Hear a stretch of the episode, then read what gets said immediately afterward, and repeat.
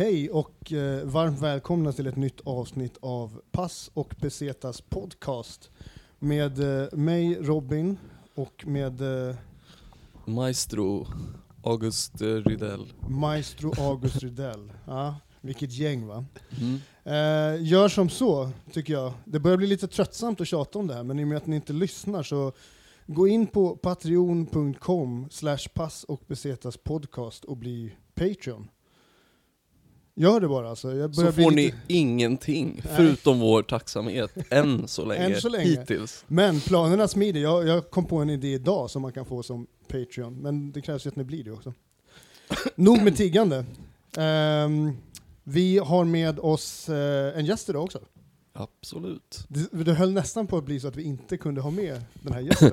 Ja, det har varit lite hattigt här innan, Ja. men eh, nu sitter vi äntligen i soffan och eh, spelar in helt enkelt. Välkommen till Passo Pesetas podcast, Jonas Dinner. Ja, men tack så hjärtligt. Eh, jag tycker också att ni ska bli Patreons. Ja. Mhm. Snappa upp den här jäveln, jag vet inte hur mycket har ni?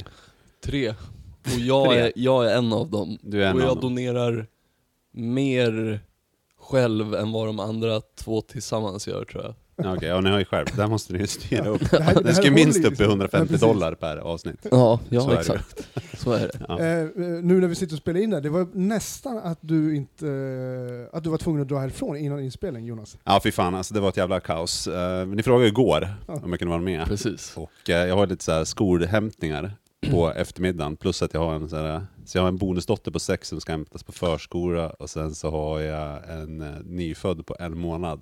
Och så har jag då en eh, sambo som heter Nathalie. Så jag sa igår, podd vid fyra, är det något som skulle kunna funka? Så jag jobbar på min konflikträdsla då. Och då sa hon, eh, jo men det ska vi väl kunna ordna. Jag kände ju ändå att det liksom kanske inte var, det var inte den bästa jävla idén. Men hon sa okej, så då, då skrev jag till henne, ja men då kör vi. Och sen så var vi iväg, eh, då började vi så sticka och hämta tidigt idag. Och sen så pep jag direkt från Älvsjö och hit. Och när jag kommer hit så eh, har jag fått ett sms att eh, det är en jävla mardröm och hon står utanför våran dörr utan nycklar. Och då är det med en nyfödd och eh, hennes dotter Sigrid.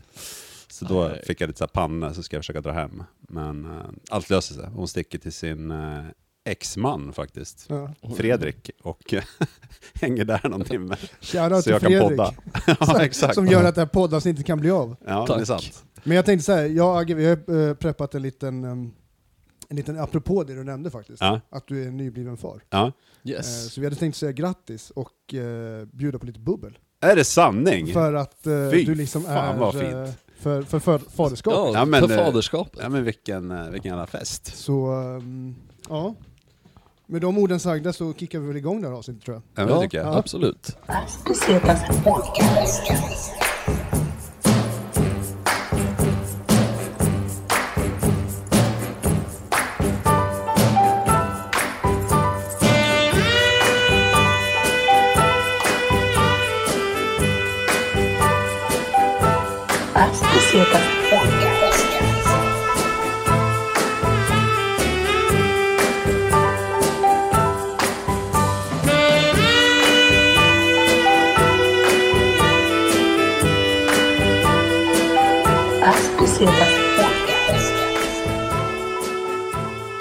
Det här blir mitt första bubbel tror jag. Oj, Ja fan. Alltså jag har ju Fan. druckit lite alkohol. Det har jag undan mig. Men inte bubbel i alla fall. alright. Men eh, fan vad kul att vara här. Ja. Man spanar ju alltid runt så här eh, i eh, lägenheten man kommer. Mm. Letar efter böcker. Här hittar jag inga. Min högtalare står på dem. ja, där står det. Men annars såg jag de här filmerna som jag varit så jävla glad över. Ja, nej, Jägarna det, 2. Jägarna 2. Ja, eh, alltså jag och mina polare liksom typ i högstadiet, vi var alltså, vi älskade Jägarna. Och inte för att vi tyckte att filmen var särskilt bra, men bara för att är, den är liksom pepprad med bara guldkommentarer och sjuk dialog. Ja. eh, som vi liksom bara, alltså gick runt och härmade och så här. Så vi, när Jägarna 2 skulle komma ut och vi bara oh shit vad fan, de släpper en tvåa med liksom typ casten liksom, som gick att få med. Mm. Så då gick vi typ ett gäng på 20 pers eh, på premiären och så hade vi typ, ja men lite så här skogshuggarkläder på oss och det här var typ i juni så alla tyckte vi var riktigt skåpiga och bara, men många garven då i biosalongen när man gled in där. Alltså, det är lite av en superkraft hos mig, men jag kan ju alla repliker i hela Jägarnet. Alltså fy fan vad nice. Jag skulle nog säga att jag har sett den mest gånger av alla. Vad fan hänt med Zorro? Jag lydde inte. En hund som inte lyder kan inte vara i skogen. Han tjatar och han tjatar och han tjatar och han tjatar. Fan vad kul. Fy fan. Ja men vad fan, då, det borde vi kanske, då borde vi kanske göra ett till så här specialavsnitt, för jag och Robin kollade på film ett avsnitt, Ja, när Burt Reynolds dog. oj. Då får vi, då får vi dra ihop en Jägarna special. Ja, jag skulle kunna erbjuda mina tjänster. Ja, då Det känner jag att eh, skitkul, alltså. du är, Aldrig hade man fick dra ett enda jävla vedträ, den förbannade vedbon. Fast de var fylld ända upp i taket. Jag ha- jag hade ju för mig att, jag läste om Jägarna för ett tag sedan, och jag hade för mig att eh, det var Colin Nutley, men det är fan Kjell Sundvall. Mm, Kjell. Exakt. Det är, Helena Bergström är inte med. Jo, hon ju första Hon är med. Ja. Hon är med. Hon blir ju för fan typ, eh, ja hon och Lassgård har väl en liten flört i Ja. början liksom. Mm. Skål på Eh, er! Skål. skål till faderskapet Jonas Dillner. Ja, Och skål och välkommen till Passo grattis! Pesetas podcast.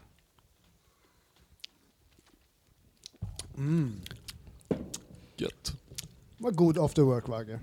Ja. Du fick ju också stressa hit Ja, efter jobbet. var ute, ute på landsbygden och la tegel och... Ja.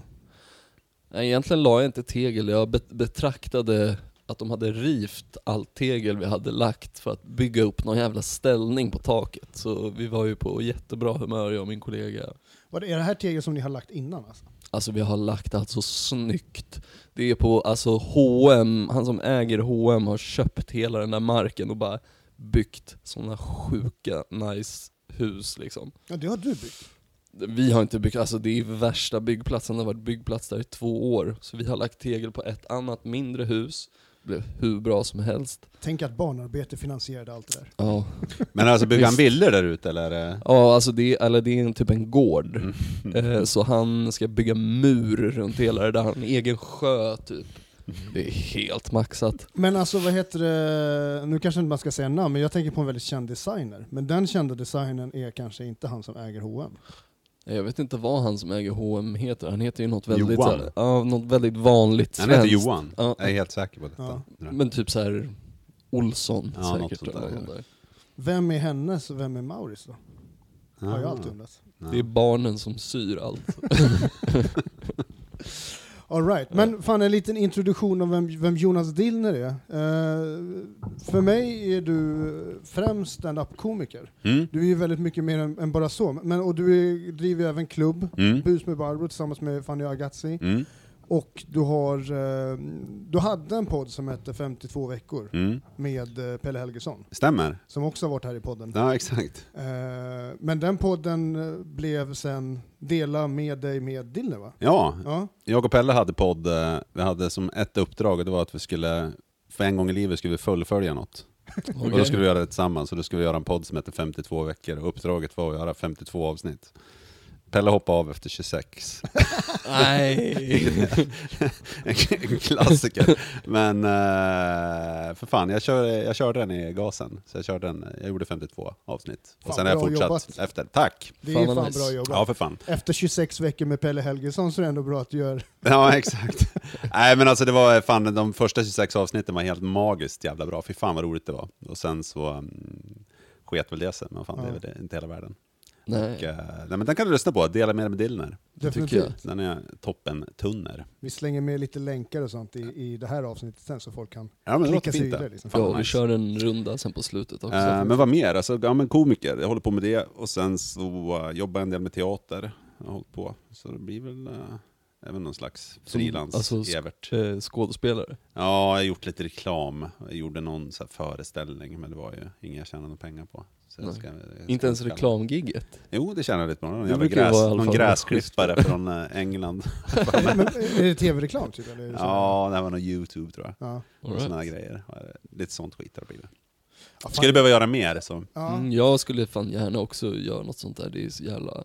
Men du Bra har ett bra nylle. Ja, fan, snäpp upp det. jag, jag, skick, jag skickade in eh, till eh, typ en hm grej förra året, men alltså nu, du vet, Jag är ute nu, alltså de Ja. vill ha typ såhär rasifierade Ja, ja, ja. Jag har en tjejpolare är så här, ganska stor castare, det var annat, bland annat hon som castade till den här hm grejen Ja. Och hon lägger ju alltid ut på Facebook, söker rasifierade par, bla bla bla. Alltså de de vill inte ha vita män just nu, det är inte trendiga. Några val till, sen kan du stå där och vara nyllet utåt. Ja. Mm. Ja.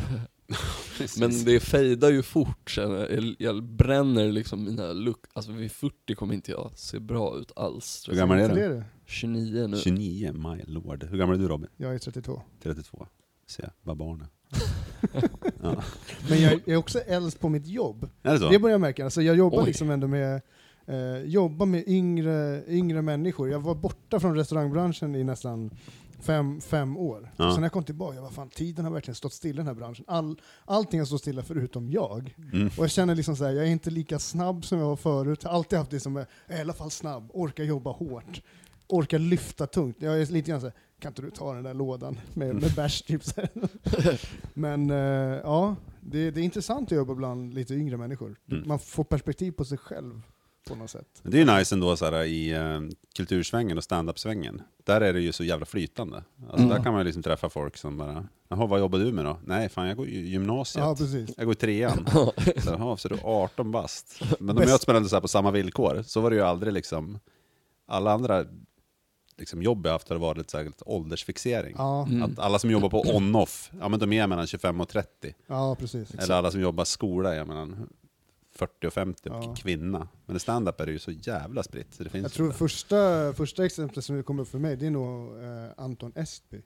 Jag tror Mm. var Ja. 17 första gången jag såg honom gigga. Ja alltså Mm. han, han fick ju inte köpa öl eller någonting i början, man bara, Nej. det är alltid lite Men det var också ja, men det var någon 14-åring som sprang runt också och körde för Aha. något år sedan. Jag kommer inte ihåg vad han Han kallas för The Beast tror jag för mig. The Beast. Som, som, Han har jag inte sett på något år nu.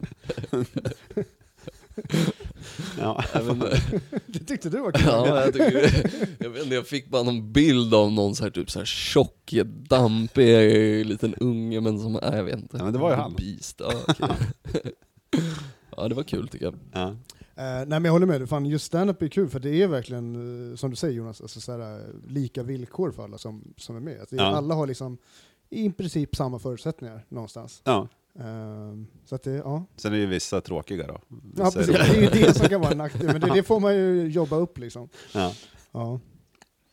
Eh, vi tänkte så här, vi brukar alltid köra lite snabba, korta med våra gäster för att liksom lära känna vilka de, Det är en resepodd där, alltså Ja. vi ska liksom, lite grann om vem Jonas är på resa. Ja. Relativt snälla frågor, men lite grann så får vi lite pejl på vem, vem du är. Liksom. Ja.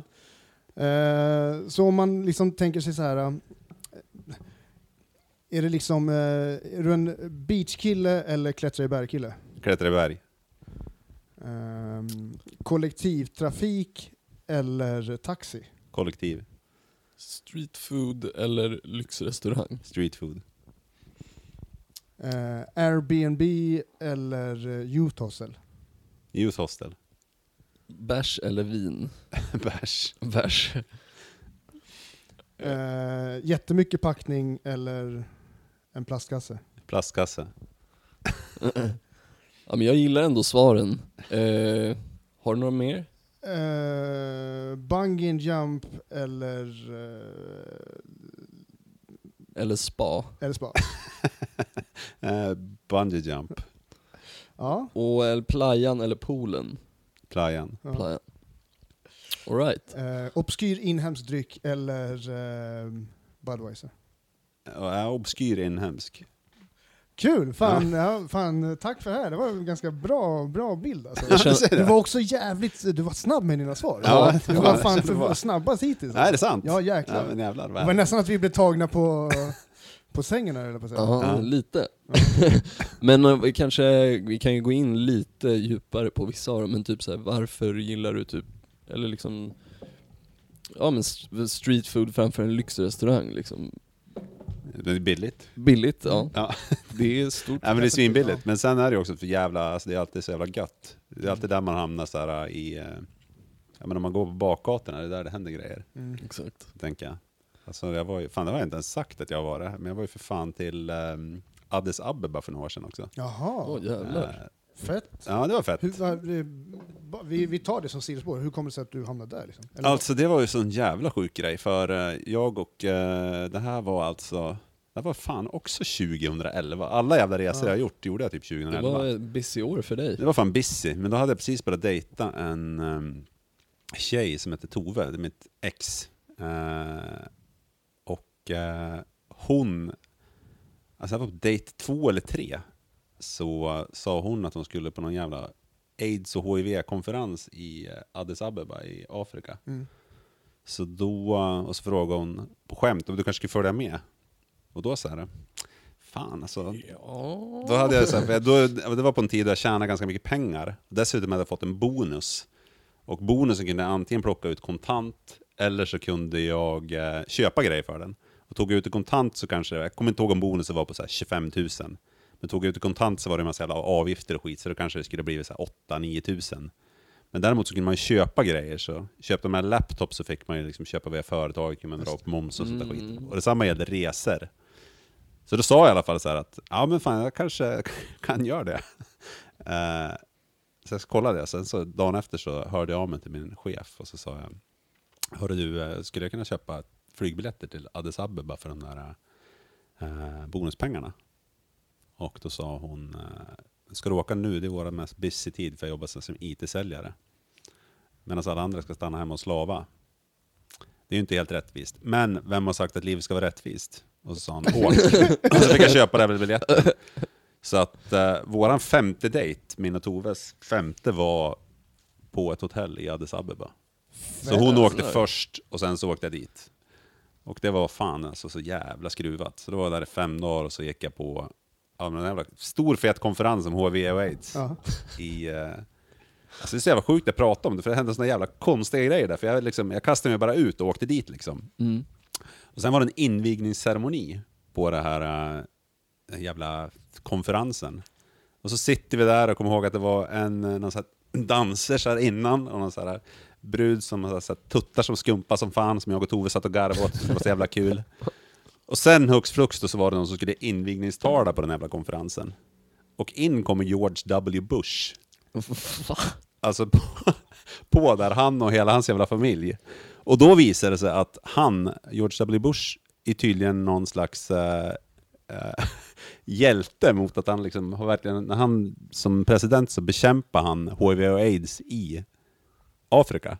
Det var en av hans stora så här, hjärtefrågor som han liksom brann för. Parallellt med att starta Irakkriget. Ja, det också gjorde han ju. Men alltså, ja, det var så jävla, jävla, jävla Ja, skruvat. jäklar. Man bara, Äh. George, du gjorde helt fel. Du skulle gjort den dumma grejen, skulle varit liksom överskuggat av det bra, Ja, inte precis. tvärtom. Ja, exakt.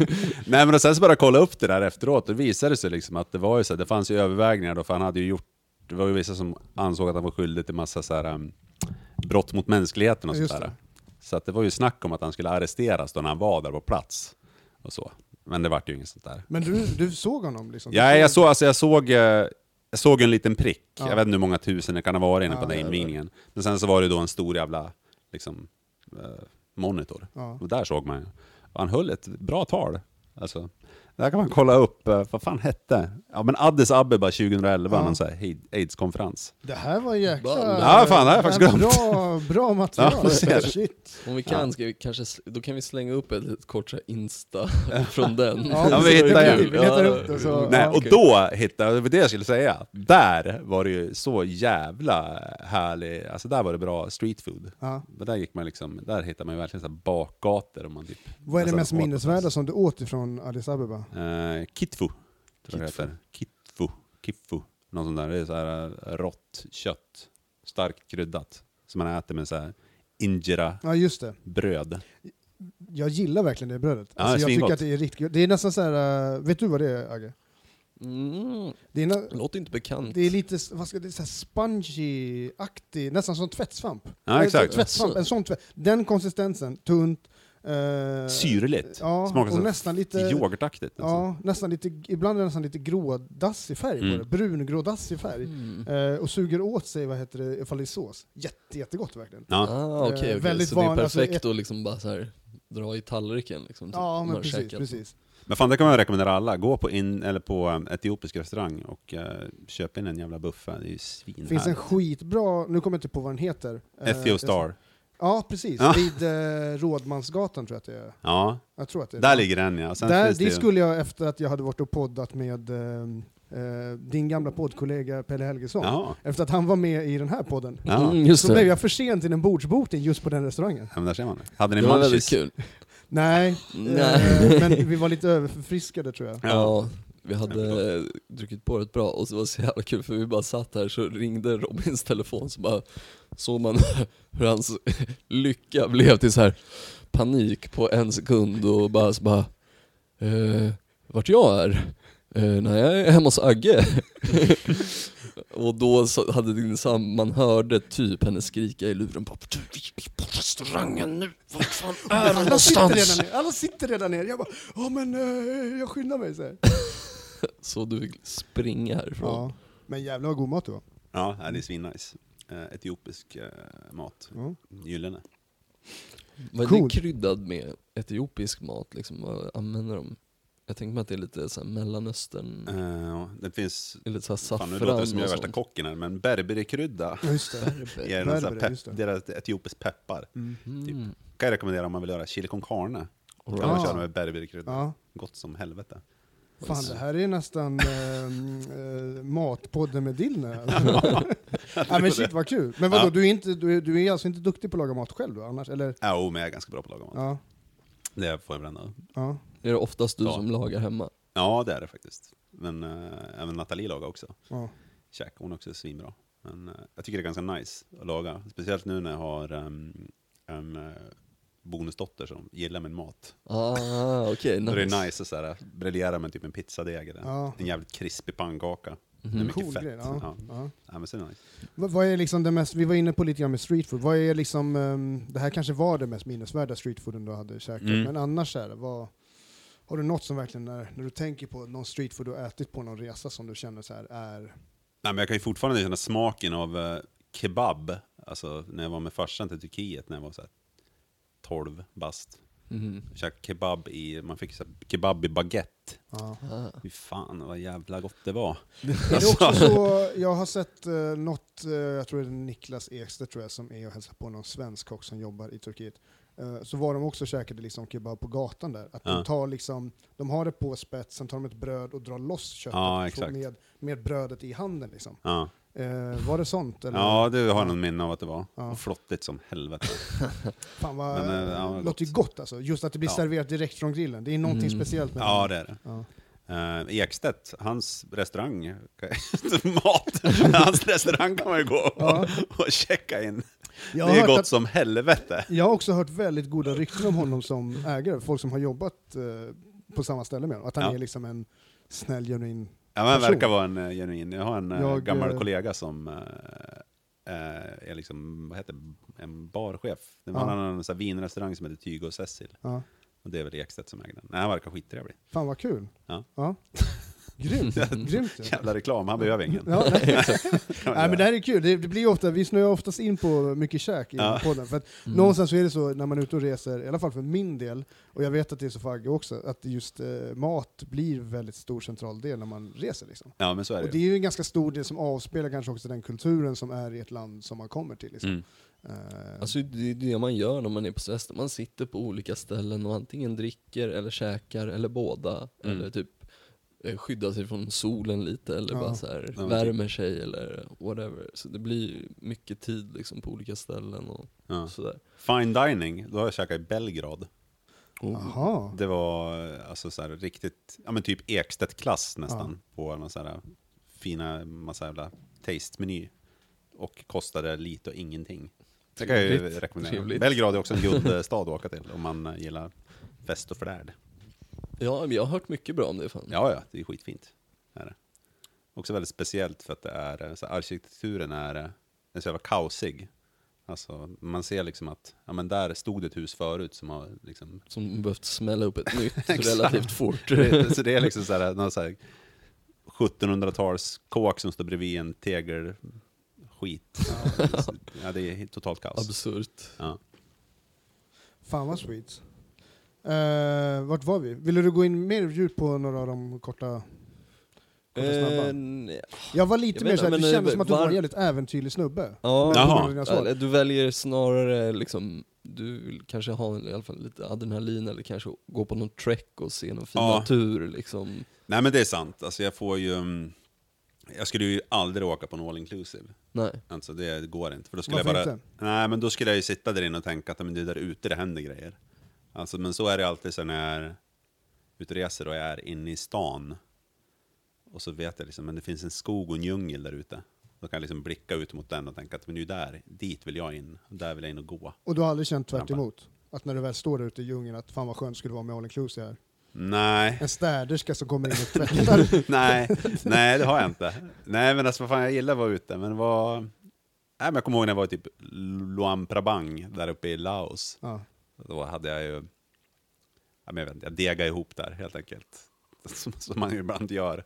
Man eh, hittar någon som har något mysigt. Ja. Och så, sen så... Men då kan man också hellre kanske typ så här dega ihop i typ sin egen stuga uppe på ett berg eller något. Alltså så ja men alltså jag känner verkligen så här att jag, då, när jag är i, st- i städer så då slösar jag bort tiden. För att Mm. jag, fan alltså det finns ju liksom...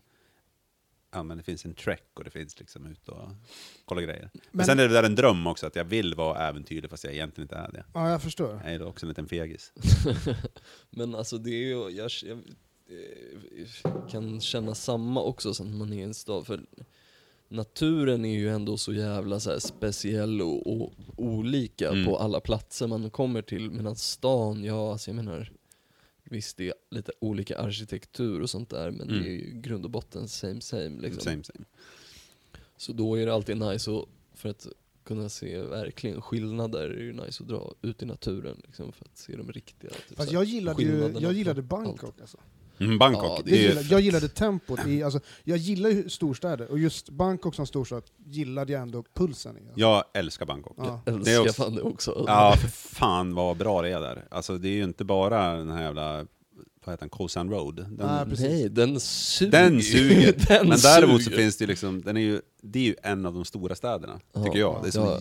jävla tempo och, Och sånt den jävla där. Den har en så, så här, ja men, det är någon så här skön ton av så här, av liksom så här, lite så här skam och så här, lite, men det är lite så här muggigt Mm. liksom, men det är på ett nice sätt. mm. Mm. Alltså så här, bara en äkta känsla över staden på något Ja. sätt. Mm.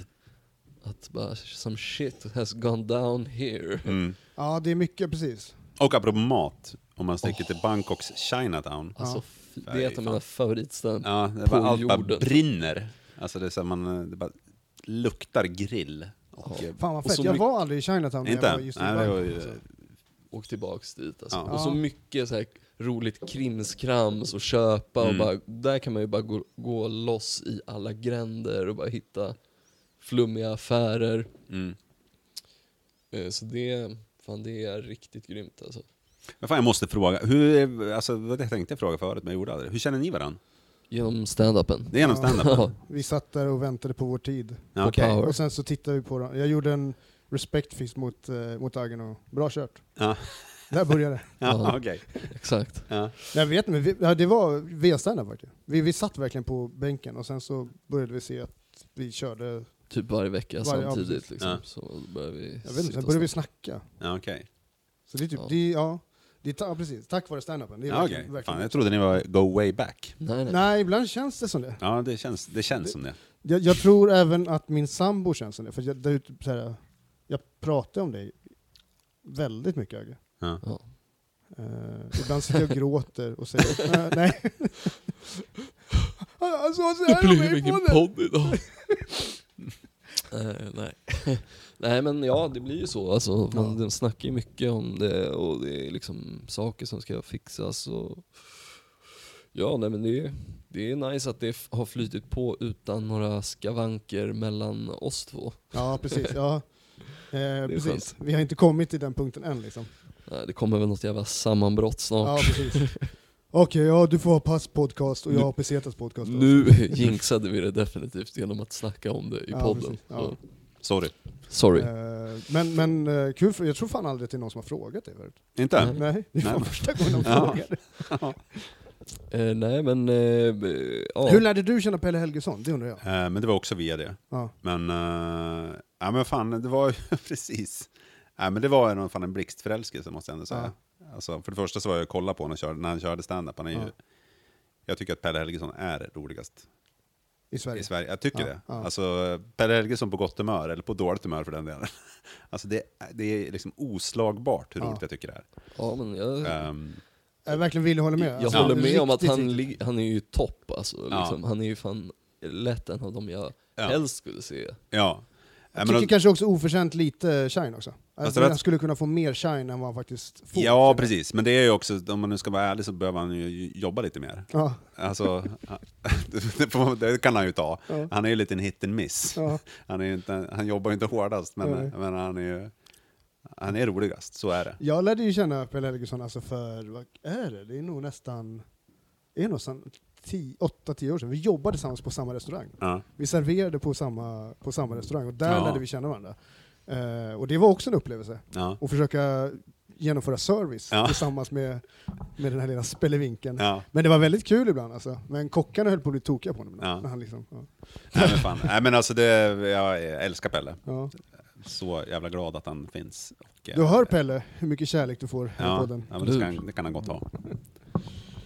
Men eh, jag tänkte så här, du nämnde Asien. Du har Mm. varit runt i fler ställen i Sydostasien eller? Ja, så nu när jag börjar tänka efter då så, eh, men jag var ju, först var jag på en resa, då var jag i, eh, då körde jag, kom till Bangkok och sen åkte jag norrut, så jag norrut till, eh, vad fan heter den staden då? Chiang Mai? Chiang Mai, exakt. Mm. Chiang Mai och sen från Chiang Mai över till Luang Prabang. Och sen till Hanoi. Och sen åkte jag väl ner till eh, Nha Trang, kanske? Ja. Gjorde du det här resan ensam eller med polare? ja, det gjorde jag ensam. Det här- Du och en ryggsäck eller? Jag och ryggsäck. Och Ja. apropå liten packning, jag hade ju en ja, alltså, svinliten ryggsäck. Jag var ute i sex veckor. Jag, hade en, eh, jag köpte en vattentät liten ryggsäck. Jag hade ett par sneakers, ett par sandaler, ett par shorts, ett par jeans. Och sen så hade jag bara tanktops. Det var ungefär vad jag hade med mig. Som De köper man ju, ja, Ja, jo men Verkligen, riktig aggepackning alltså. jag har ju inte mycket heller, men Ja. lite mer sådär. Men eh, alltså, det är ju segt att konka på skit. Alltså, ja, ja. Det är det ju. ja, men det är det ju. Ja, men det här var också, att jag, det är ju, alltså 2011, då var jag 32. Det var ändå min första resa, så jag säga. Jag har aldrig rest någonstans innan. Nej. Jag har tagit en weekend till typ London. Ja. Och där var det sån här svinångest att jag liksom aldrig tog mig iväg när jag var ung. Men vad ledde upp till att du gjorde en sån här typ av resa? För det är ganska omfattande. Ja, men det var ju det liksom, att det måste ske. Alltså nu måste jag göra det. Och meningen var, alltså jag hade faktiskt tänkt att åka till, uh, apropå så här äventyr då, för det var ju också, jag hade väl levt så här lite halv, äh, men du vet, det var mycket fest innan. Fan vad trevligt. Ja, men det var det ju. Men då hade jag, då, då hade jag någon sån här idé om att men nu ska jag åka iväg och hitta mig själv. Ja. Så då, Men det var alltså okej, det, det var alltså en sån resa? nej, det var mycket, Åka till Asien, hitta sig själv-resa? Det var det, var, ja. Men det, var det. Ja. Och innan var, ja, men jag, alltså jag hade ju liksom festat mycket, kanske på alla jävla konstiga sätt, och haft dåliga relationer och du vet, ena med fjärde. Så hade jag bestämt sig, men nu ska jag åka iväg och ska jag göra det här för min skull. Mm. Så då hade jag tänkt åka och göra, mm, alltså vandra i, eh, men gud, alltså åka till Nepal och vandra, vad fan heter leden? Eh, Annapurna? Annapurna-leden, det var det som var hela grejen. För det kan man göra liksom en lång vandring i typ tre veckor, man bara går och så. Det måste vara, jag vet inte, det måste vara kanske typ 6000 meter något sånt. Ja, det var det, högt, det, det, alltså. det, det är det jag har hört. Alltså på ett, när man är på en plats där så är man omgiven av fyra eller fem av världens högsta berg. Och Ja, då ska man ju jävlar. känna sig minst i världen. Mm. Alltså det ska vara magiskt. Men sen så precis innan jag skulle beställa så var det någon som sa, men fan har du kollat om det är regnperiod?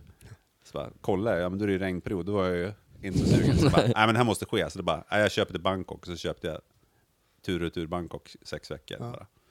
Sen drog jag iväg. Men jag hade ju så här idé om att, du vet jag lämnade mobiltelefon hemma, MP3-spelare hemma, jag hade ju inte ett skit. Nej. Så, och jag liksom hade också bestämt att jag skulle leva ganska rent när jag var där. Så jag menar, jag festade väl lite grann. Men det var verkligen så här. jag levde inte ut, ska jag säga, när jag var där. okej. På liksom det sätt som jag, så här, i backspegeln kan jag ångra det lite grann. Ja, jag förstår. Men, ehm, Fick du sitta och Men det är snacka med svårt mycket också. idioter? ja, alltså vad fan man nu är. Det, ja, det gjorde jag väl. Men alltså, men jag har ju också så här, det är ett jävla mycket där jag tänker efter på det, så här, för att är ju lite av en bekräftelsetorsk. Mm. Så är det ju. Det är, alltså, Det är bara väl vi alla. Ja. Ska vi inte hymla med? ja. Och när jag kom då på, liksom, den här, när jag var ute och reste så kom jag på hur jag skulle kunna få min bekräftelse. Det var ju så här, i Lonely Planet så stod det ju alla så här gaybarer Ja. som fanns i alla städer. Gay-friendly places. Ja. Så då stack jag ju dit Ja. och vart uppvaktad något så in i helvete. Ja. Så jag hängde med mycket så här gaybarer Ja. och skit. Men sen så hängde jag också mycket med, jag träffade liksom så här kids från eh, England och så här. Också en så här, Som om- levde ut lite mer. De levde än, ut än vad lite du mer. hade planerat att göra. Ja. Exakt, och de kanske var du vet, 20-årsåldern och jag Ja. var 32, de kallade mig för the pensioner. Nej. Så jävla deppigt. Vad fan alltså. Nej men då kommer jag ihåg, alltså det, så här, som stod ut då, för att jag menar jag har, jag vet inte, får man prata om så här röka och sånt i den här? ja, Ja, det är typ alltså, det är den här helt- podden man får snacka om. Det är det man får snacka Ja. om. Ja men då kommer jag ihåg i alla fall att... Eh, Det har snarare varit klagomål på att folk har velat ha saker bortklippt. ja, för att vi har jag fått har... bipa så jävla mycket i den här ja podden. okej, ja, mer men så. det behöver ni inte Ja. göra. Nej men Nej men då var det så här, jag bestämde mig för att åka dit och leva rent som fan.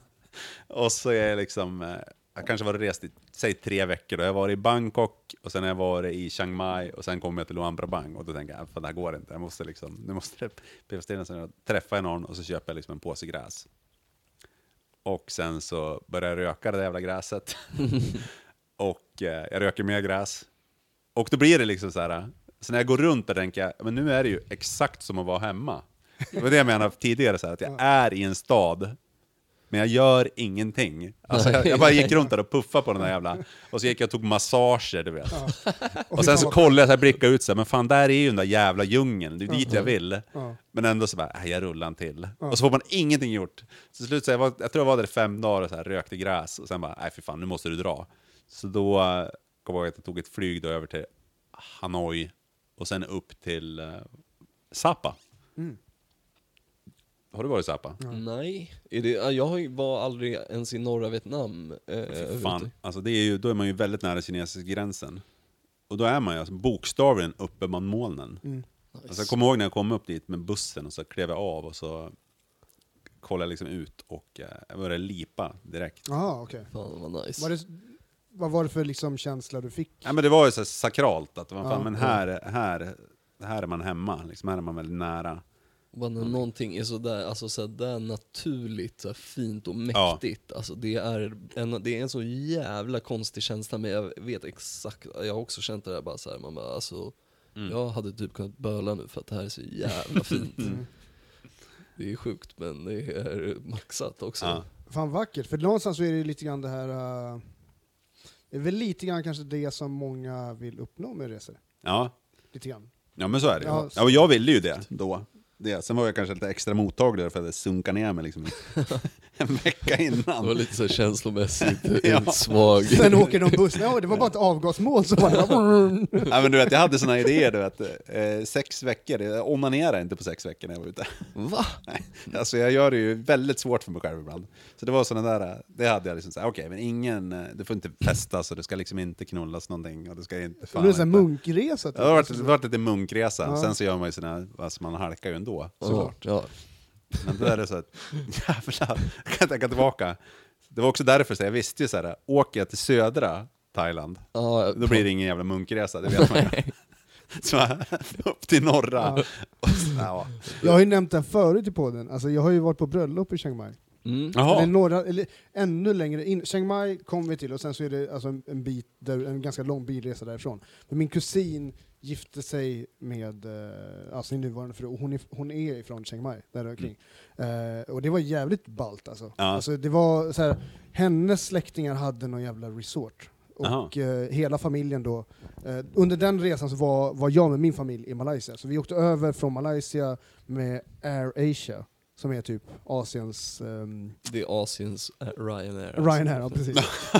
det var en jävla upplevelse också att åka med det. Men, Ehm, Men äh, jätteballt bröllop. Ja. Liksom, jag känns som jag tjatat om det så många gånger i podden nu. Men, men, men det är kul också, det är många som verkar ha varit i Chiang Mai. Lite, Ja, men Chiang Mai var ju nice, för det var också jag lite gillade såhär, verkligen Chiang Mai också. Ja. alltså. det var ju, eh, det var lite såhär universitetsstad va?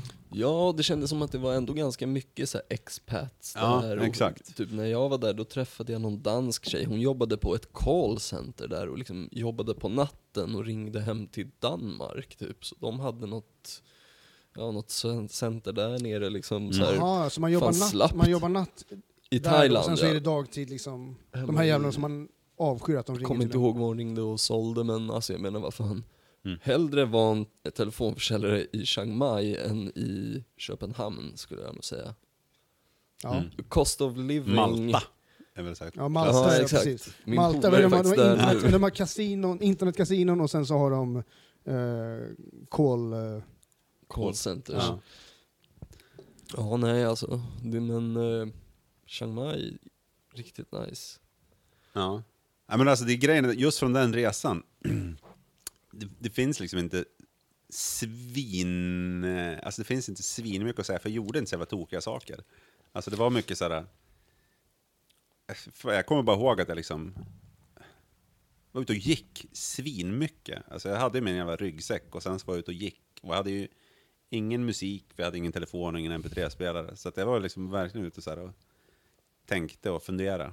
men det är ju lite grann som, eh, vad fan heter det Hur nu? lång tid tog det innan du liksom vande dig och kände så här, fan, men nu är det ändå, det är ändå min tillvaro nu på något sätt. Nej, men det tog ett tag ändå. Jag hade ju den kontakt jag hade med världen, var så här, innan jag åkte så skrev jag på typ Facebook att eh, jag kommer ha en mailinglista. Om någon som vill följa med på min resa så kommer jag göra så här, lite uppdateringar via mail. Och sen så, så en gång i veckan typ, när jag kom till en dator så, så skrev jag liksom, ja nu har jag gjort det här och det här. Försökte skriva så lite roliga Fan, jag historier. tycker ändå det låter som att du ändå tog, tog hela, du känns som en person som ändå gjorde den resan ganska, alltså du gjorde det ändå seriöst, och du Ja. gick ju in för det. Ja, det gjorde Det var jag. inget halv, eh, halvstapplande liksom.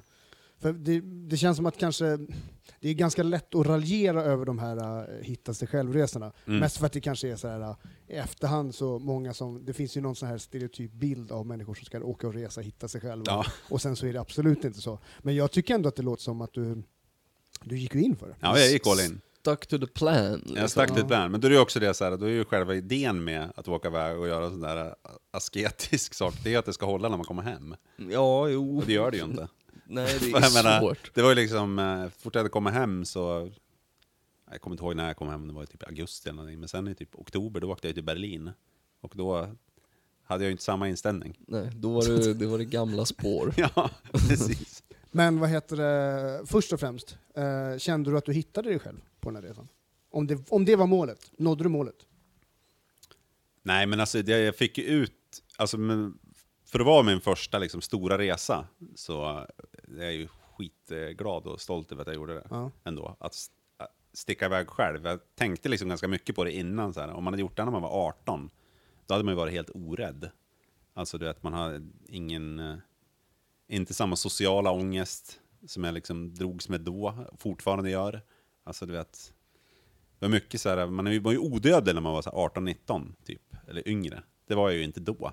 Så att jag ändå så här pallade mig ut och du vet, socialisera och gick liksom och hängde med folk som jag inte kände. Det var ju fan helt sjukt. Men jag, för, jag känner lite tvärtom. Alltså jag känner att min sociala kompetens var ju liksom fan sämst när jag var 18. Alltså, jag känner mig, alltså sen, jag har rest lite själv för typ ett par år sedan. Men då tyckte jag, jag tyckte det var rätt nice liksom. Alltså, Mm. Men då på något sätt, man blir ju lite tvingad att försöka göra sådana där grejer också. Mm.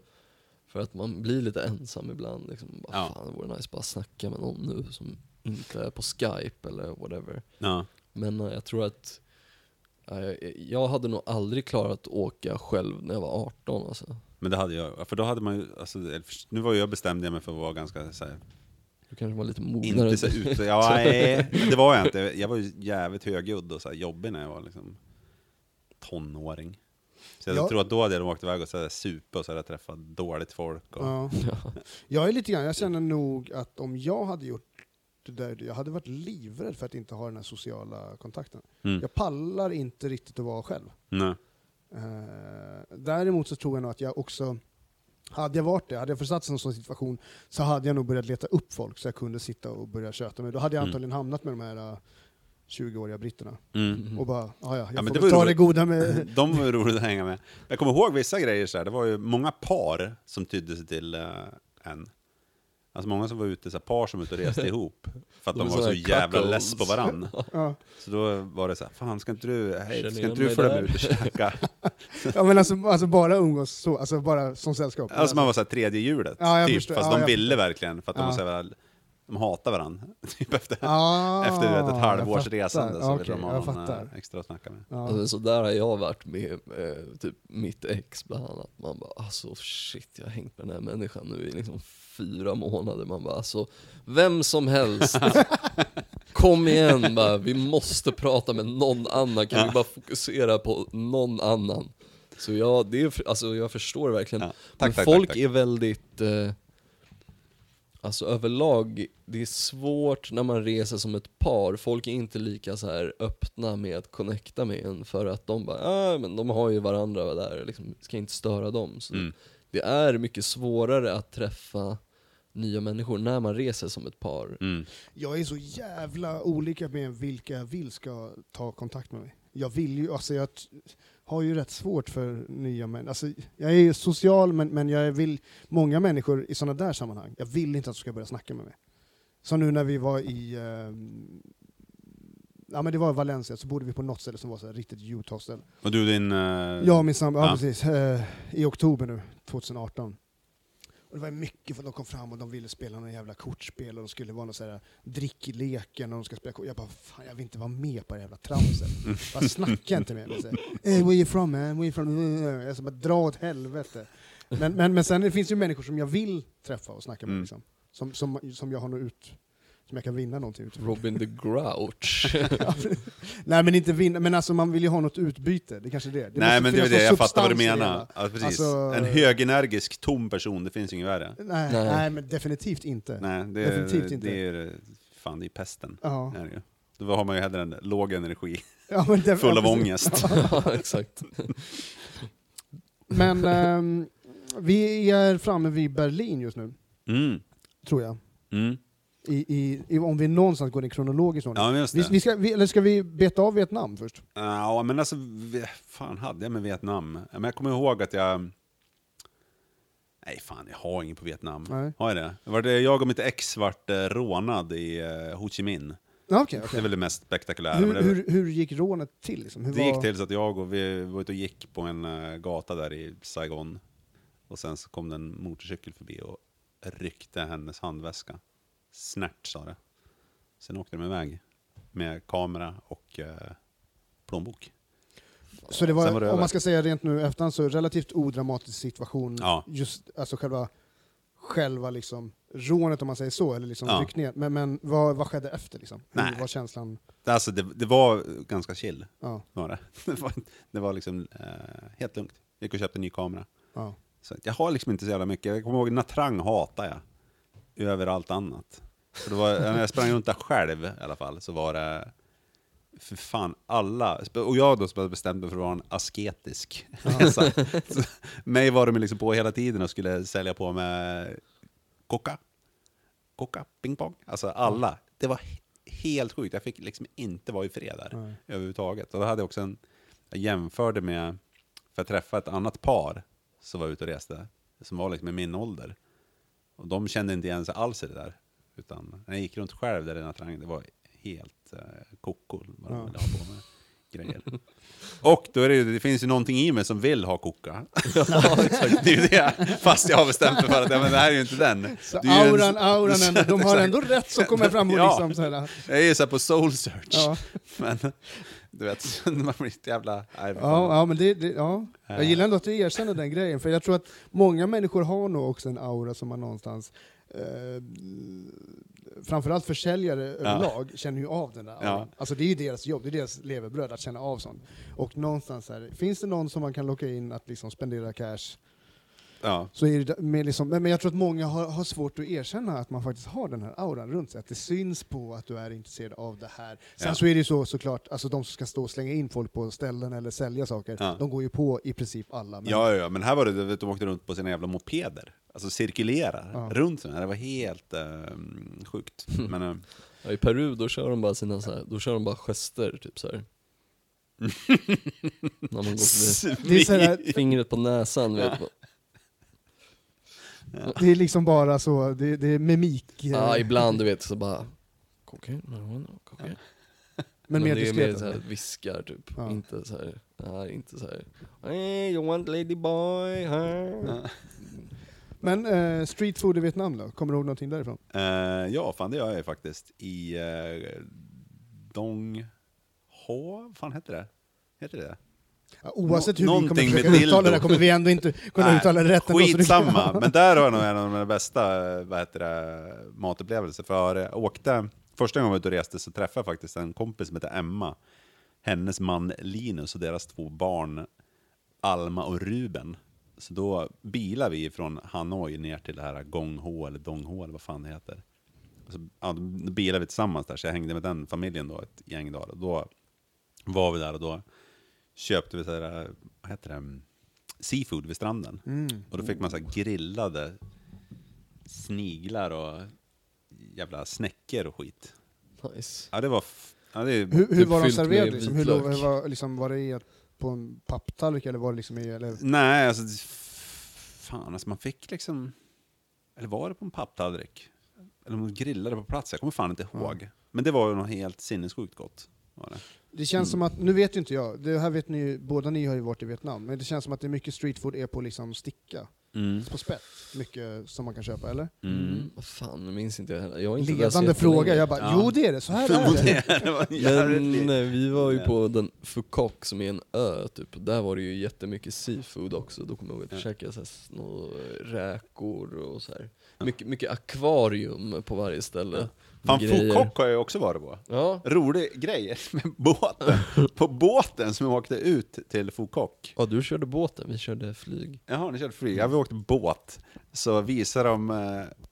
Ja, kan ni gissa vilken film de visar? Det kan ni inte. Eh, Cast Away.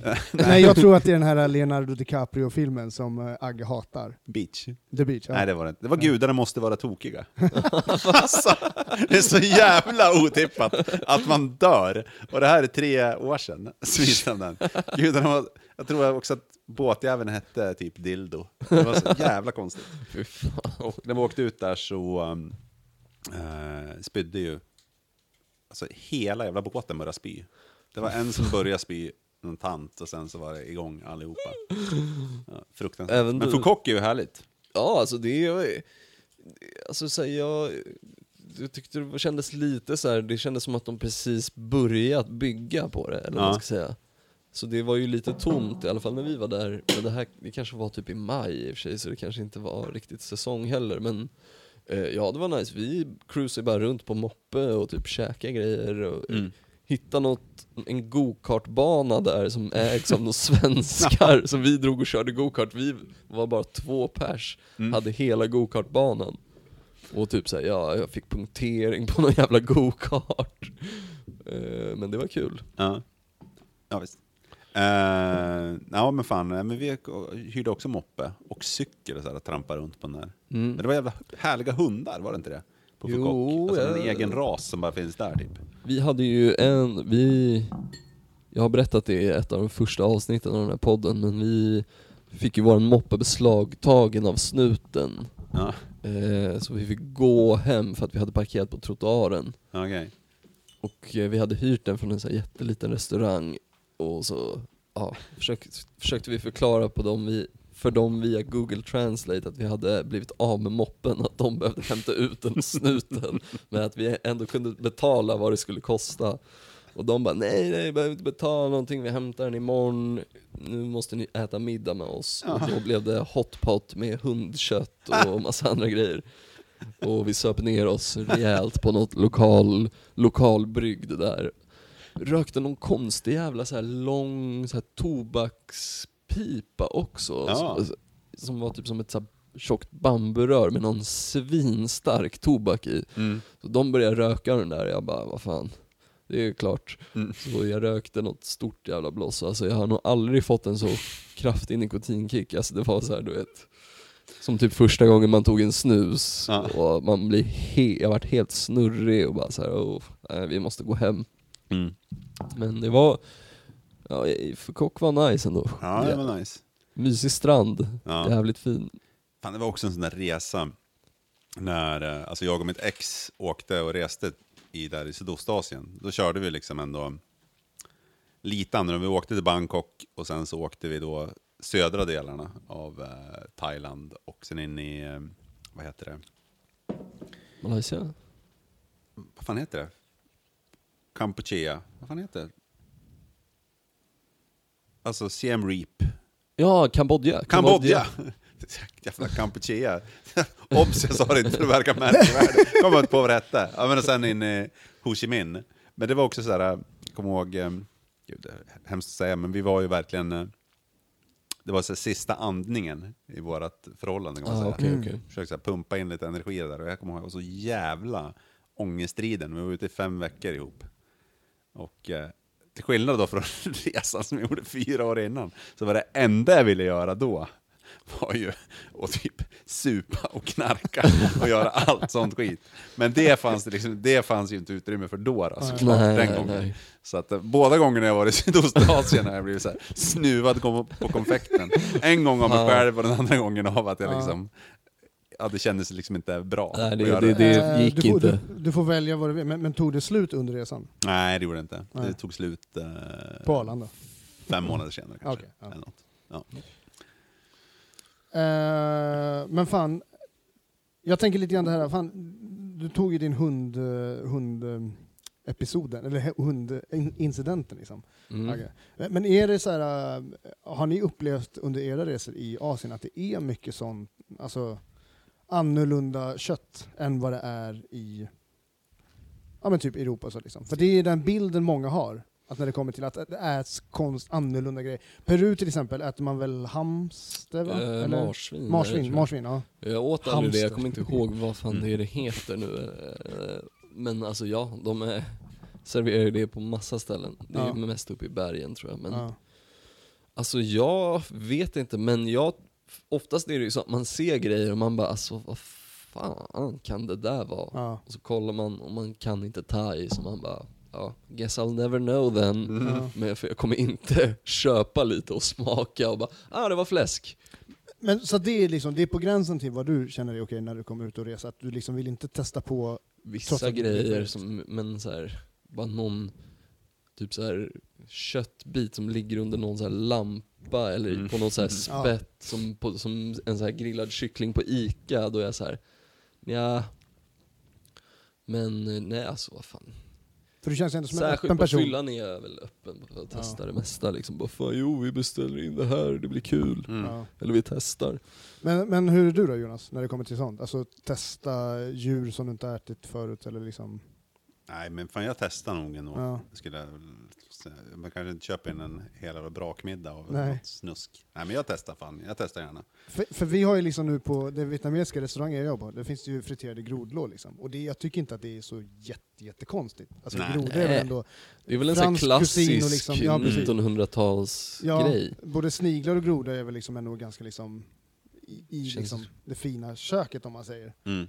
Eh, men, eh, men jag vet att många reaktioner som är att det, det är mycket en sån här grej. Jag beställer in grodlår så här. Det är mycket mobiler upp med en gång, ska fota den som äter. Det är mycket liksom en happening av att äta det. Mm. Eh, har någon av er ätit groda eller? Ja, vi gjorde väl eh, i Paris eller Nice tror jag. Mm. Jag drog in det. Men däremot alltså, kan jag ju berätta för, det här är ju skitlänge sedan kanske. På midsommarafton för kanske 15-20 år sedan och så, där, så var det ju några kompisar som köpte fårtestiklar. Mm. Och då skulle liksom grilla på dem själv över en jävla engångsgrill. Och eh, då testade jag inte. Men då är ju också kontexten helt jävla fucked. Ja. Alltså hade jag ju varit En på... Pripsbo och lite fårtestiklar. Liksom. Ja men exakt. Hade jag I varit, hade jag varit i Skottland och någon liksom slängde fram fårtestiklar, visst. Då hade jag kunnat testa det, för de har väl, vet väl hur fan man tillagar skiten med typ någon vettig krydda eller någonting. Ja, and then we'll Alltså- go to the pub old boy and have a pint. Men när liksom Gordon och Sarmo står med sin jävla engångsgrill och fräser på några jävla testiklar, då är det ju en big no-no. Det gjorde jag bara inte. Fan vad helvete, jag bara tänker på det och Ja. håller på med det där. Jag tänker mig att de typ så här öppnar sig lite och sväll, väller ut någon vätska av Ja, det vä- värmen från grillen. Nej, det Gammal sädesvätska. mm. Ja, det finns ju på Island, är det man käkar getöga, eller? Nu gissar jag bara här. Jag vet att man käkar öga av något djur i alla fall.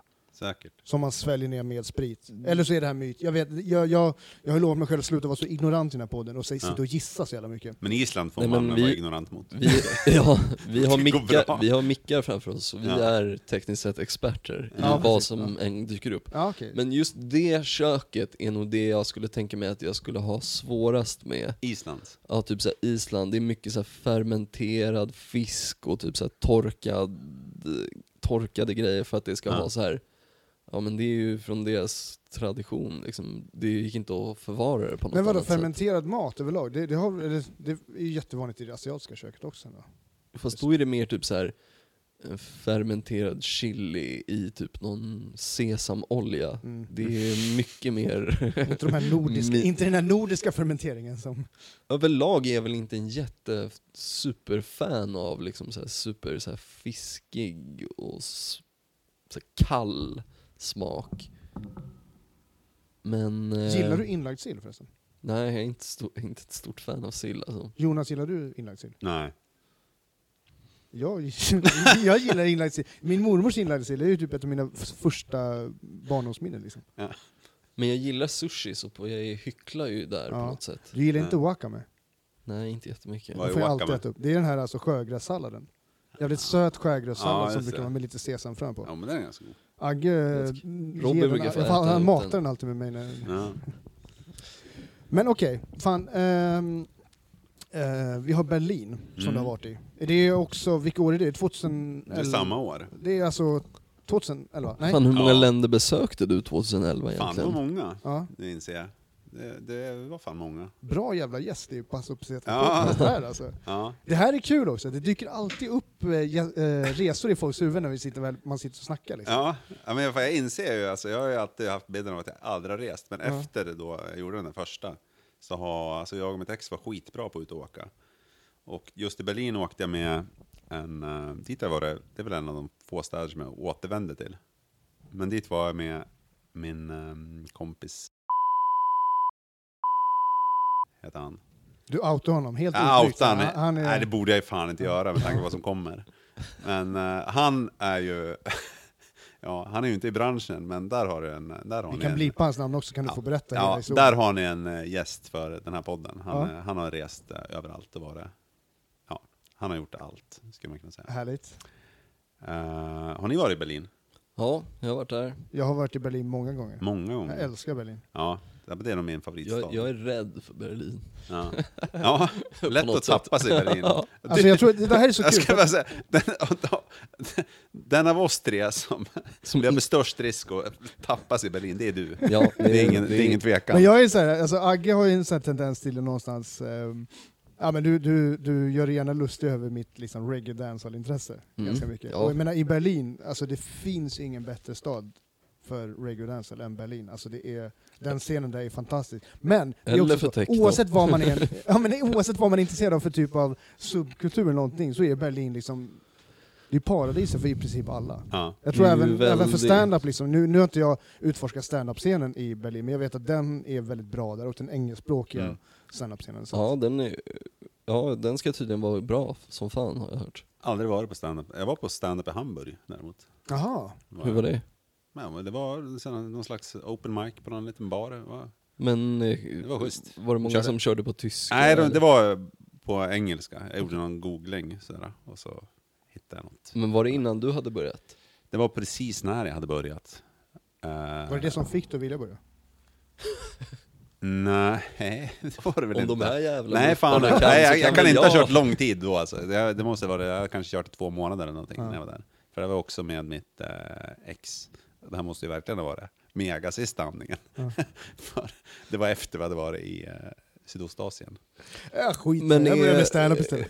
Är att gå på stand-up någonting så här som du ändå tänker så här, att du kan göra typ en resa för eller eh, alltså typ åka och se din favoritkomiker eller typ så här, ja men gå, gå på stand-up när du är någonstans. Är det någonting så här, du kollar upp om det finns möjlighet till? Nej, Ofta. alltså jag gör ju inte resa på grund av det. Däremot Nej. om jag är på en plats liksom, så, så ska jag lätt, då kan jag kolla om det finns något och så drar jag iväg och kollar. Det är inget. Men jag är inte, jag är inte sånt, eh, så jävla frälst är jag inte. Nej. Jag, gillar, jag går ju hellre i bergen Ja, och eh, kollar på apor. exakt.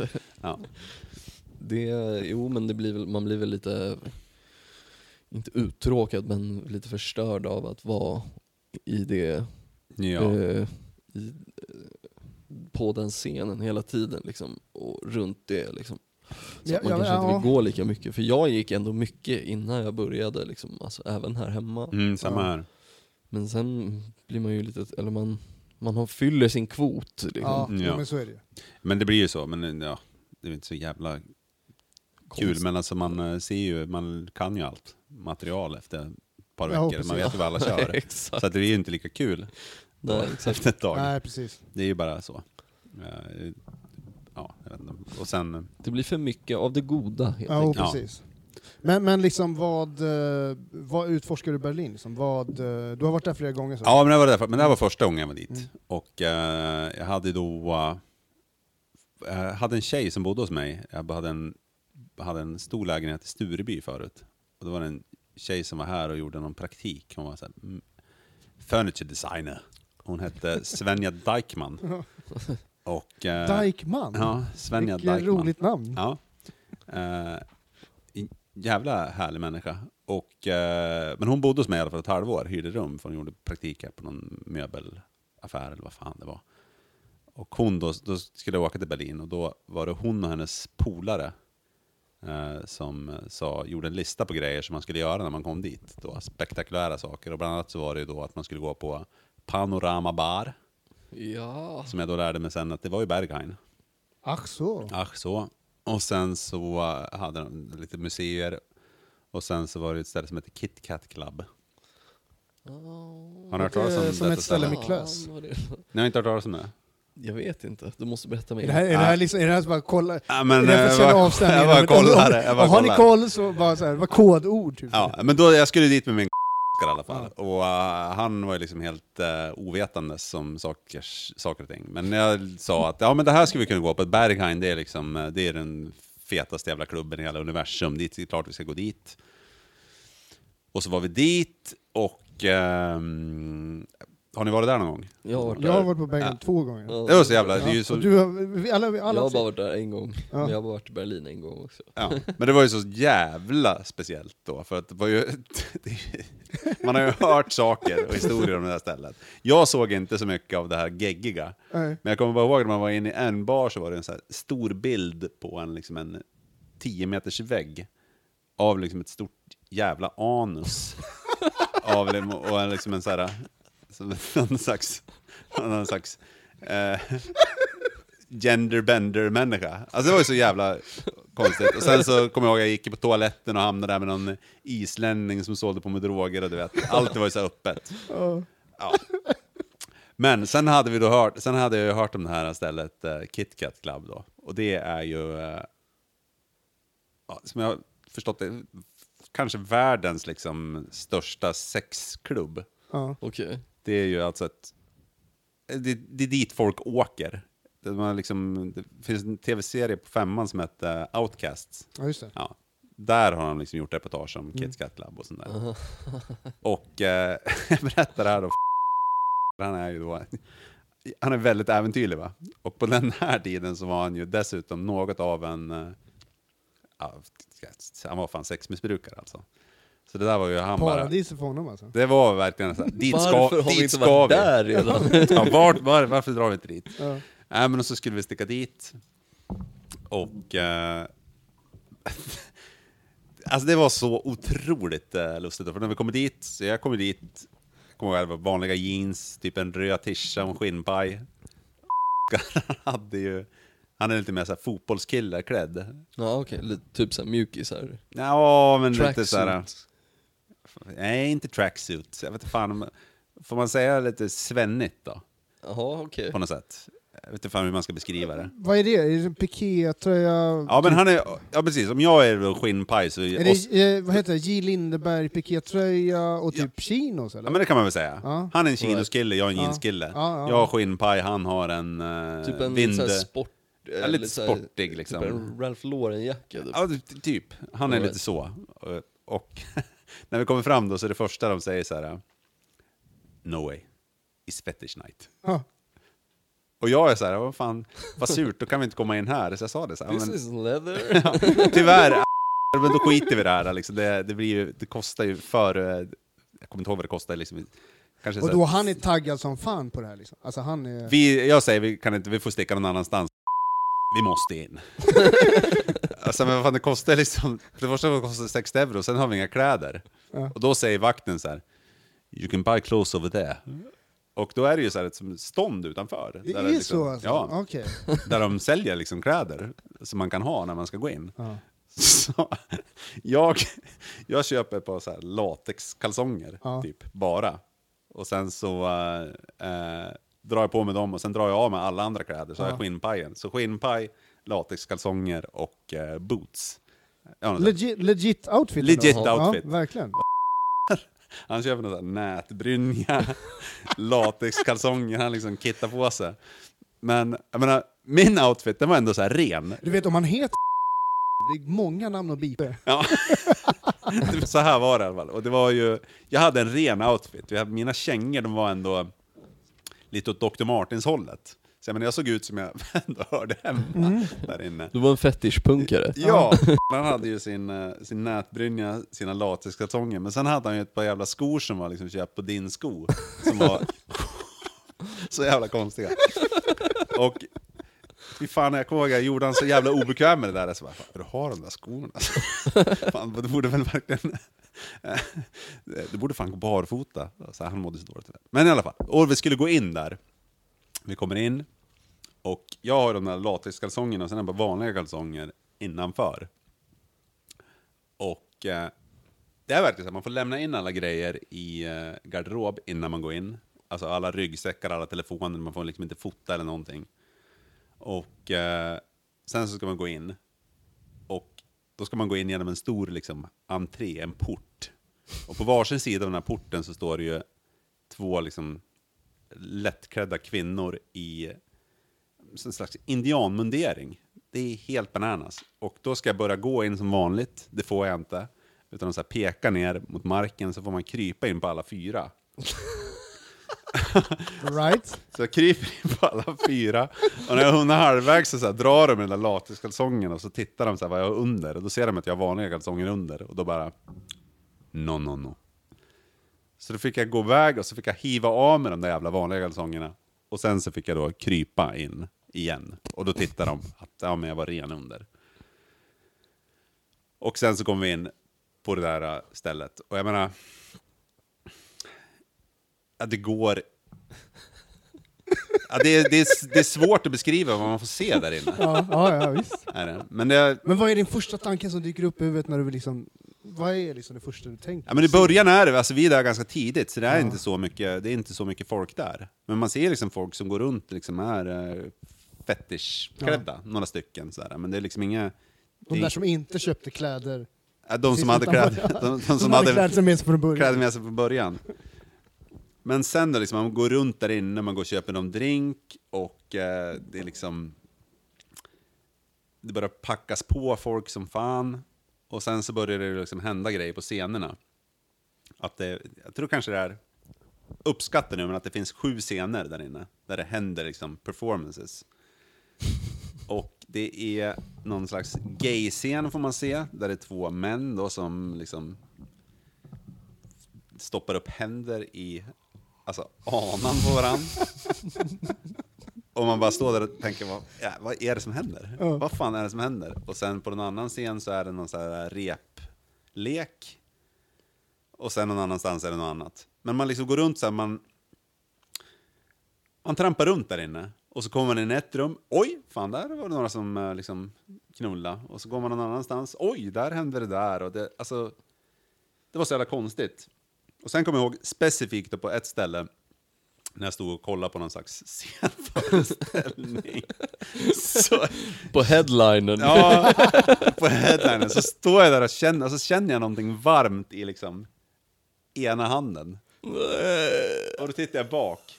Ja, då är det ju en, eh, liksom någon slags genderbender person där då, som har lagt sin halvbånge i liksom handflatan på mig.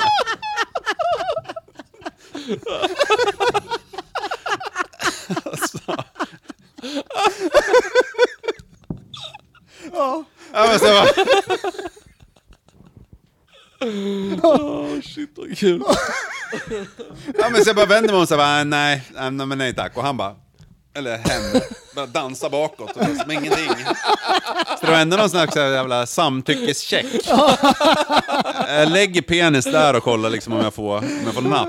Alltså shit. Nej men alltså, Oh shit, oh. nej, men alltså sån jävla, alltså jag, jag... Det är liksom svårt att beskriva hur det är där inne, men alltså... Man kan bara rekommendera alla att eh, liksom sticka dit, för större variation av liksom mångfald av människor har man aldrig sett i livet. Jag kommer ihåg en person som var två meter lång, säkert, och hade ju uppenbarligen gjort liksom, operationer då, för det var väl en man tidigare kan jag tänka mig, och gjort en slags könskorrigering som det heter tror jag. Stora bröst, och sen hela ansiktet fyllt med, eh, man såg alltså det fanns inget ansikte alls där, för det var fyllt med stora ringar som man så här piercar fast i liksom alla liksom delar av kroppen. In, i, under huden liksom. Ja. De står liksom i ett hörn där och liksom snackar som man gjorde på, liksom på skolrasten när man gick i högstadiet. Du vet, över en cigg. Och står där naken. Men, så vad ska jag berätta? Något så var ju det att han hade väl ändå satt sikte på att eh, göra något där inne. Att få till det. För han, eh, han var ju liksom, det var ju hans dream come true. Att, att få till det där inne kan ju inte vara så jävla svårt ändå. Nej. Beroende på vad man menar med att få till det. Alltså ja, ändå- men det var ju det att eh, han gick runt där och så kom han fram till mig någon gång och så bara Fan alltså Det är något fel jag får inte stånd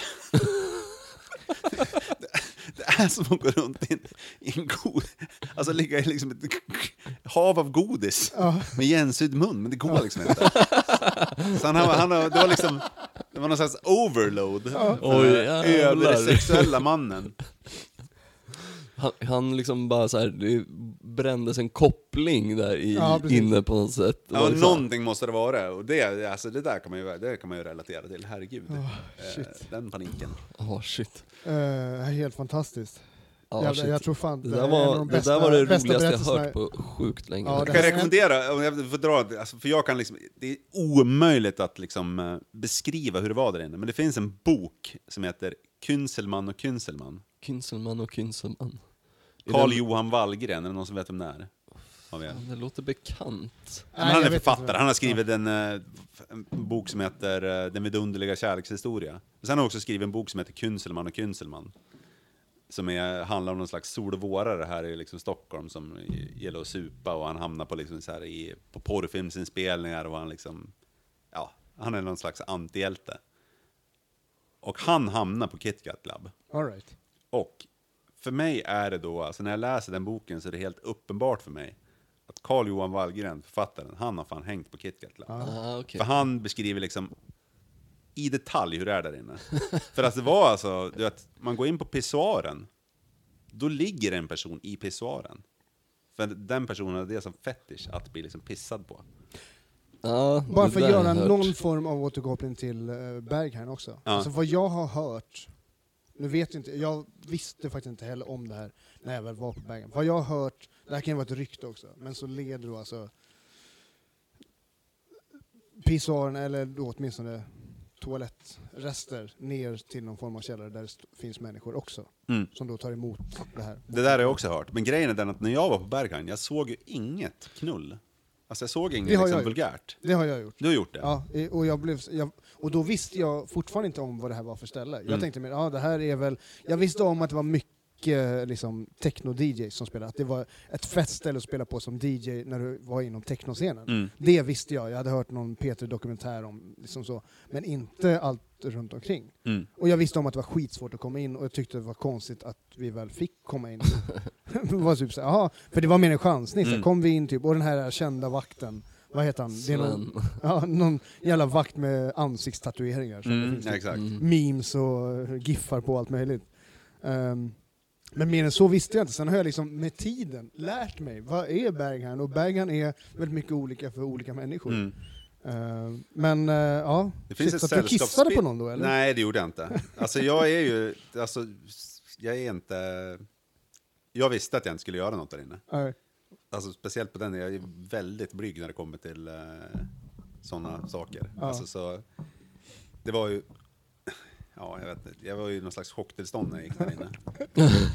Men eh, det var alltså speciell stämning, alltså i, jag menar nu fick jag liksom en penis i näven typ.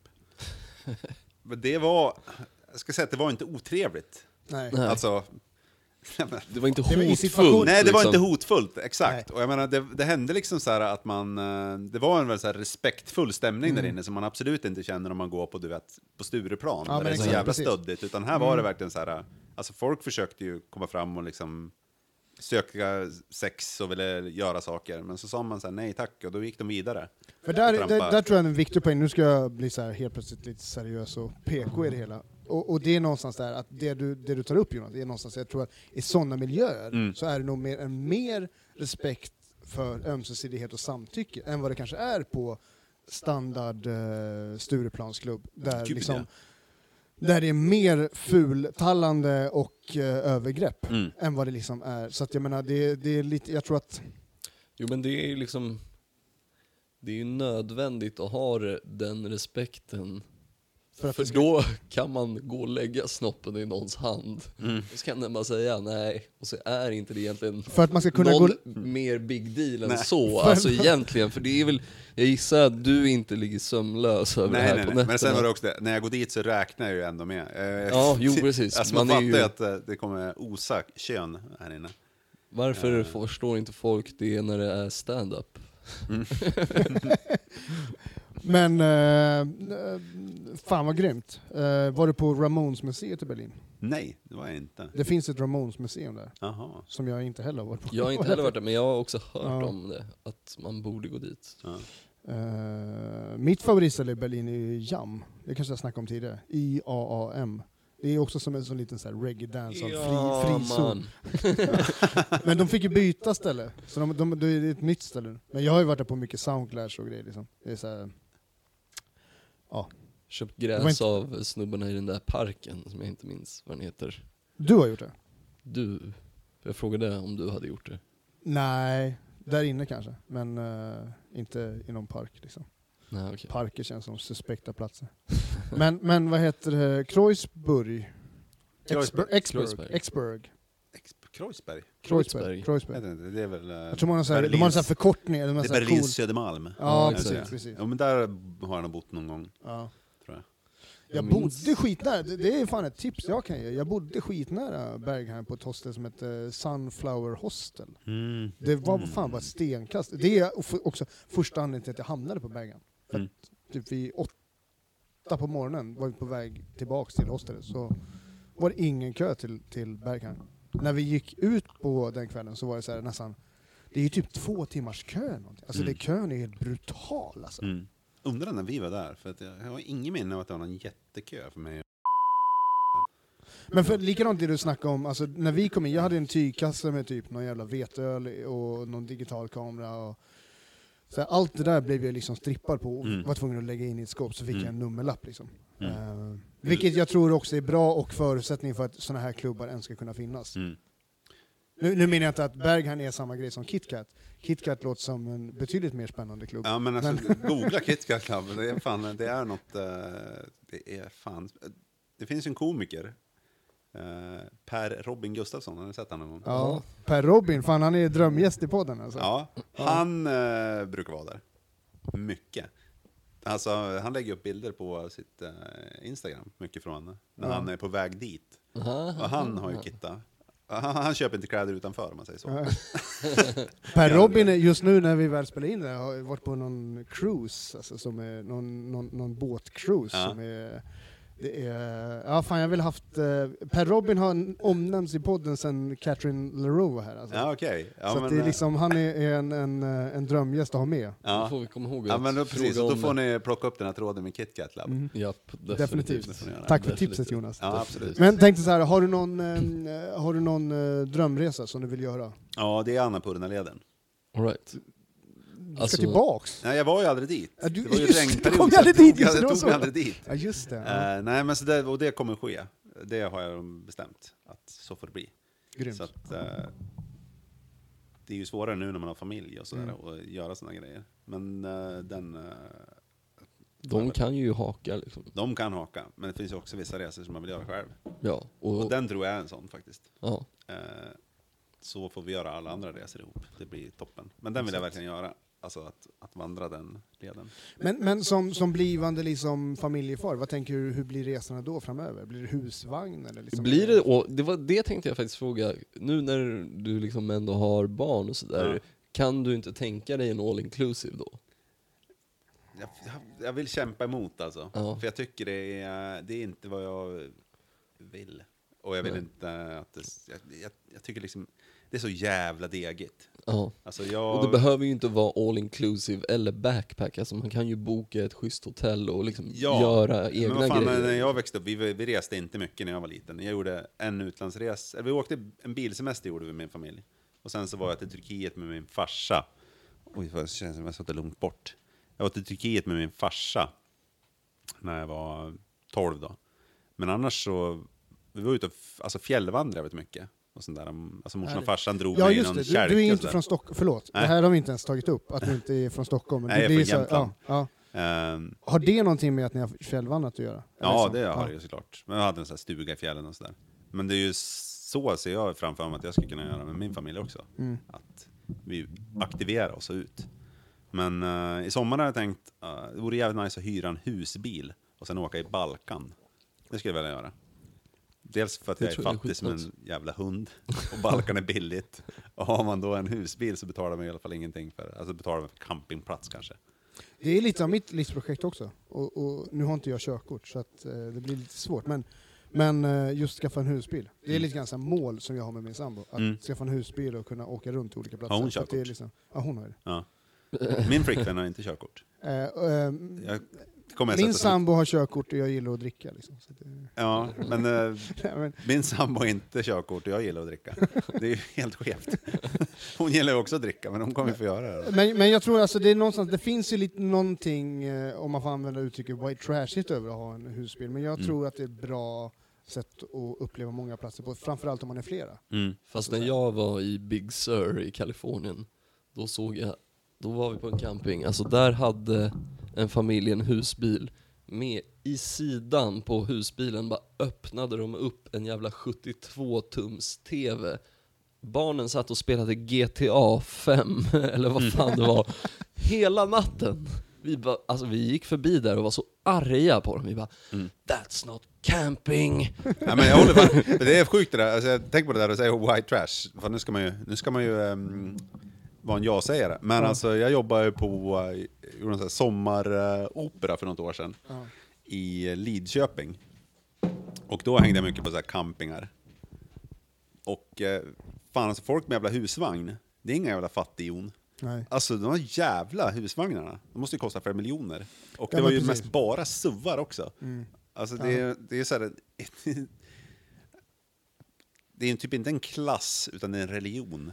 Att vara ute och så här, åka, hänga på Nej men alltså som du säger Jonas, alltså, det är ändå så här, det här trailer grejen har nog blivit något annat. För jag menar det är inte billigt idag att ha en, ha en, ha en husvagn. Nej, Det är en dyr, om du inte har en riktig så här rövvagn då ja, men, men det ska man ju också sen då kunna liksom någonstans på något sätt eh, eh, ja, kunna, kunna liksom eh, hålla upp ekonomiskt sett. Men eh, för, för vi hade, vi hade med, anledningen till att vi liksom snackade lite grann om all inclusive familj och allt, vi hade med komikern Johnny Salimi för ett tag sedan. Mm. Och han hade varit med sin familj, han hade två barn, han hade, verkade inte alls ha njutit så mycket av sin semester Nej. Nej. med att ha med sin familj.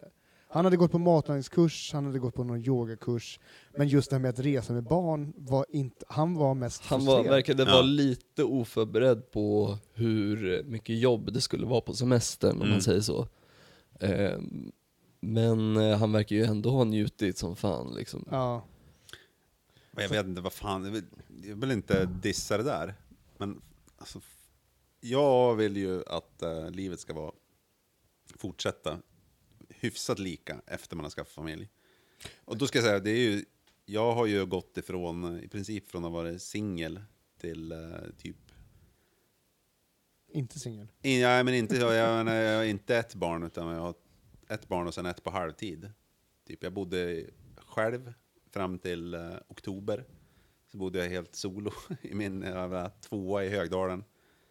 Tills nu så bor jag liksom, har jag flyttat in i en eh, fyra och så bor vi en hel familj. Alltså det är ju en omvälvande tid. Mm. Definitivt. Ja. Ja men då blir det så här, vissa liksom grejer, eh, jag hur jag ska säga det, men jag vill ju mota satan vid grind. Ja. Jag vill liksom inte bli för svennig heller, det går liksom inte. Utan jag har en idé om att, eh, ja, men fan, vi kan göra grejer, men vi kan göra det på vårt sätt. Och om man vill följa den resan då, vem du är, då, då kan man alltså, dels kan man följa dig på typ Instagram, Facebook eller vad Jonas? Dillner, Jonas Dillner på Insta, Instagram. ja. Och sen har vi på, Facebook kan man också hojta till. sen har vi din podd, där Ja. du snackar själv liksom.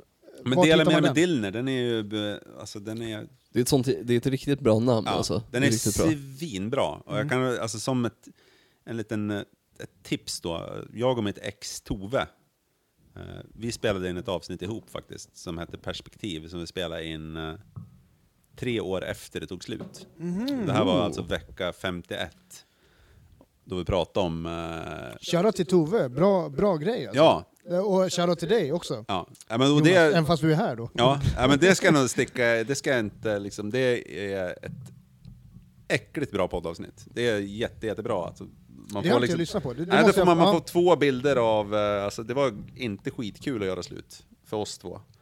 Och det var två viljor liksom, men nu är vi fortsatt vänner och sådär. Men där eh, snackar vi om eh, hur det var. Ganska Och mycket. göra slut, eller hur det var för er liksom. Ja, exakt. Mm. Men jag fick jättemycket respons på det. Att eh, folk kände igen sig. Och, jag, menar, jag betedde mig som en jävla idiot, det vet jag. Men det var ändå så konstigt, då, för folk skrev till mig efteråt så här.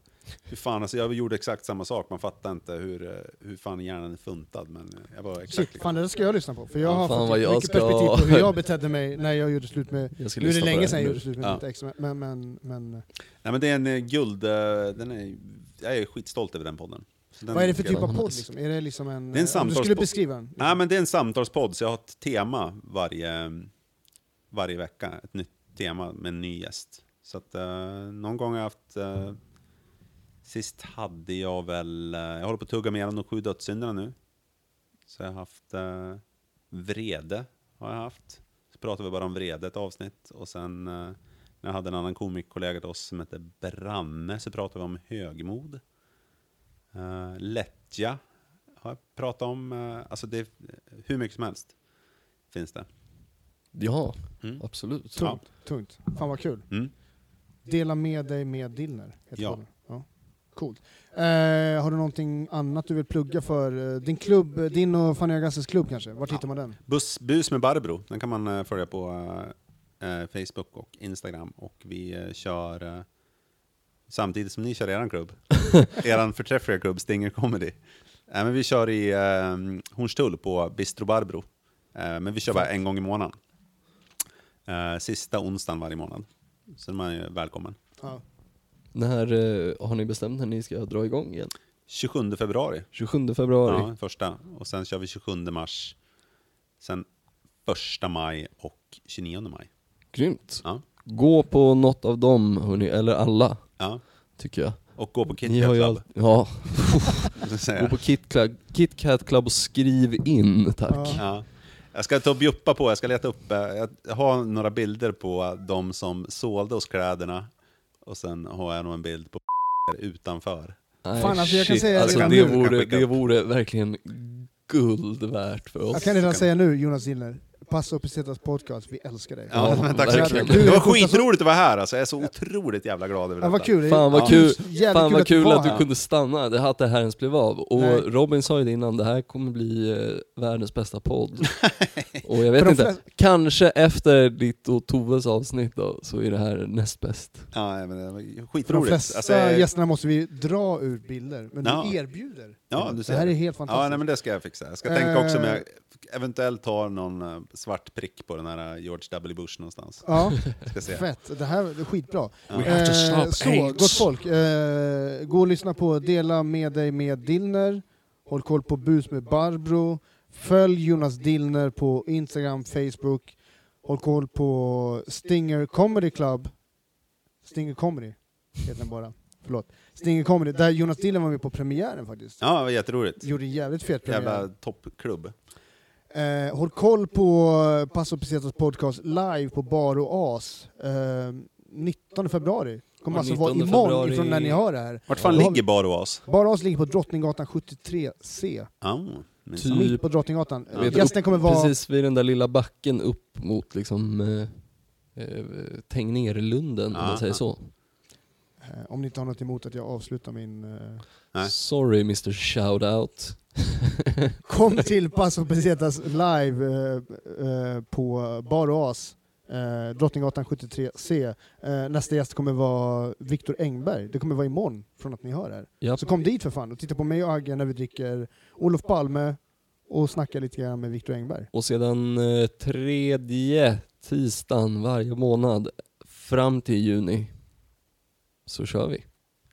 Yes. Ja. Och ska Eh, man se dig någonstans? någonstans eller? Eh, Stand-up eh, i Stockholm på gratisklubbar. Power comedy säkert mest. Det är det enda stället det går bra. Eh, nej, inget mer. All right. Eh, men fan, stort tack Jonas. Stort tack till Jonas Dillner. Det var det lilla. Det här var grymt. Fan vad kul det var. Och- Satan. Ja, men då tycker jag att eh, ni ska bli Patreons allihopa. Ja, Blir det fort. Det är det värt. Till både Passo Pesetas och Dela med dig med Dillner. We need the money. Hej då! Hej då! Hej då!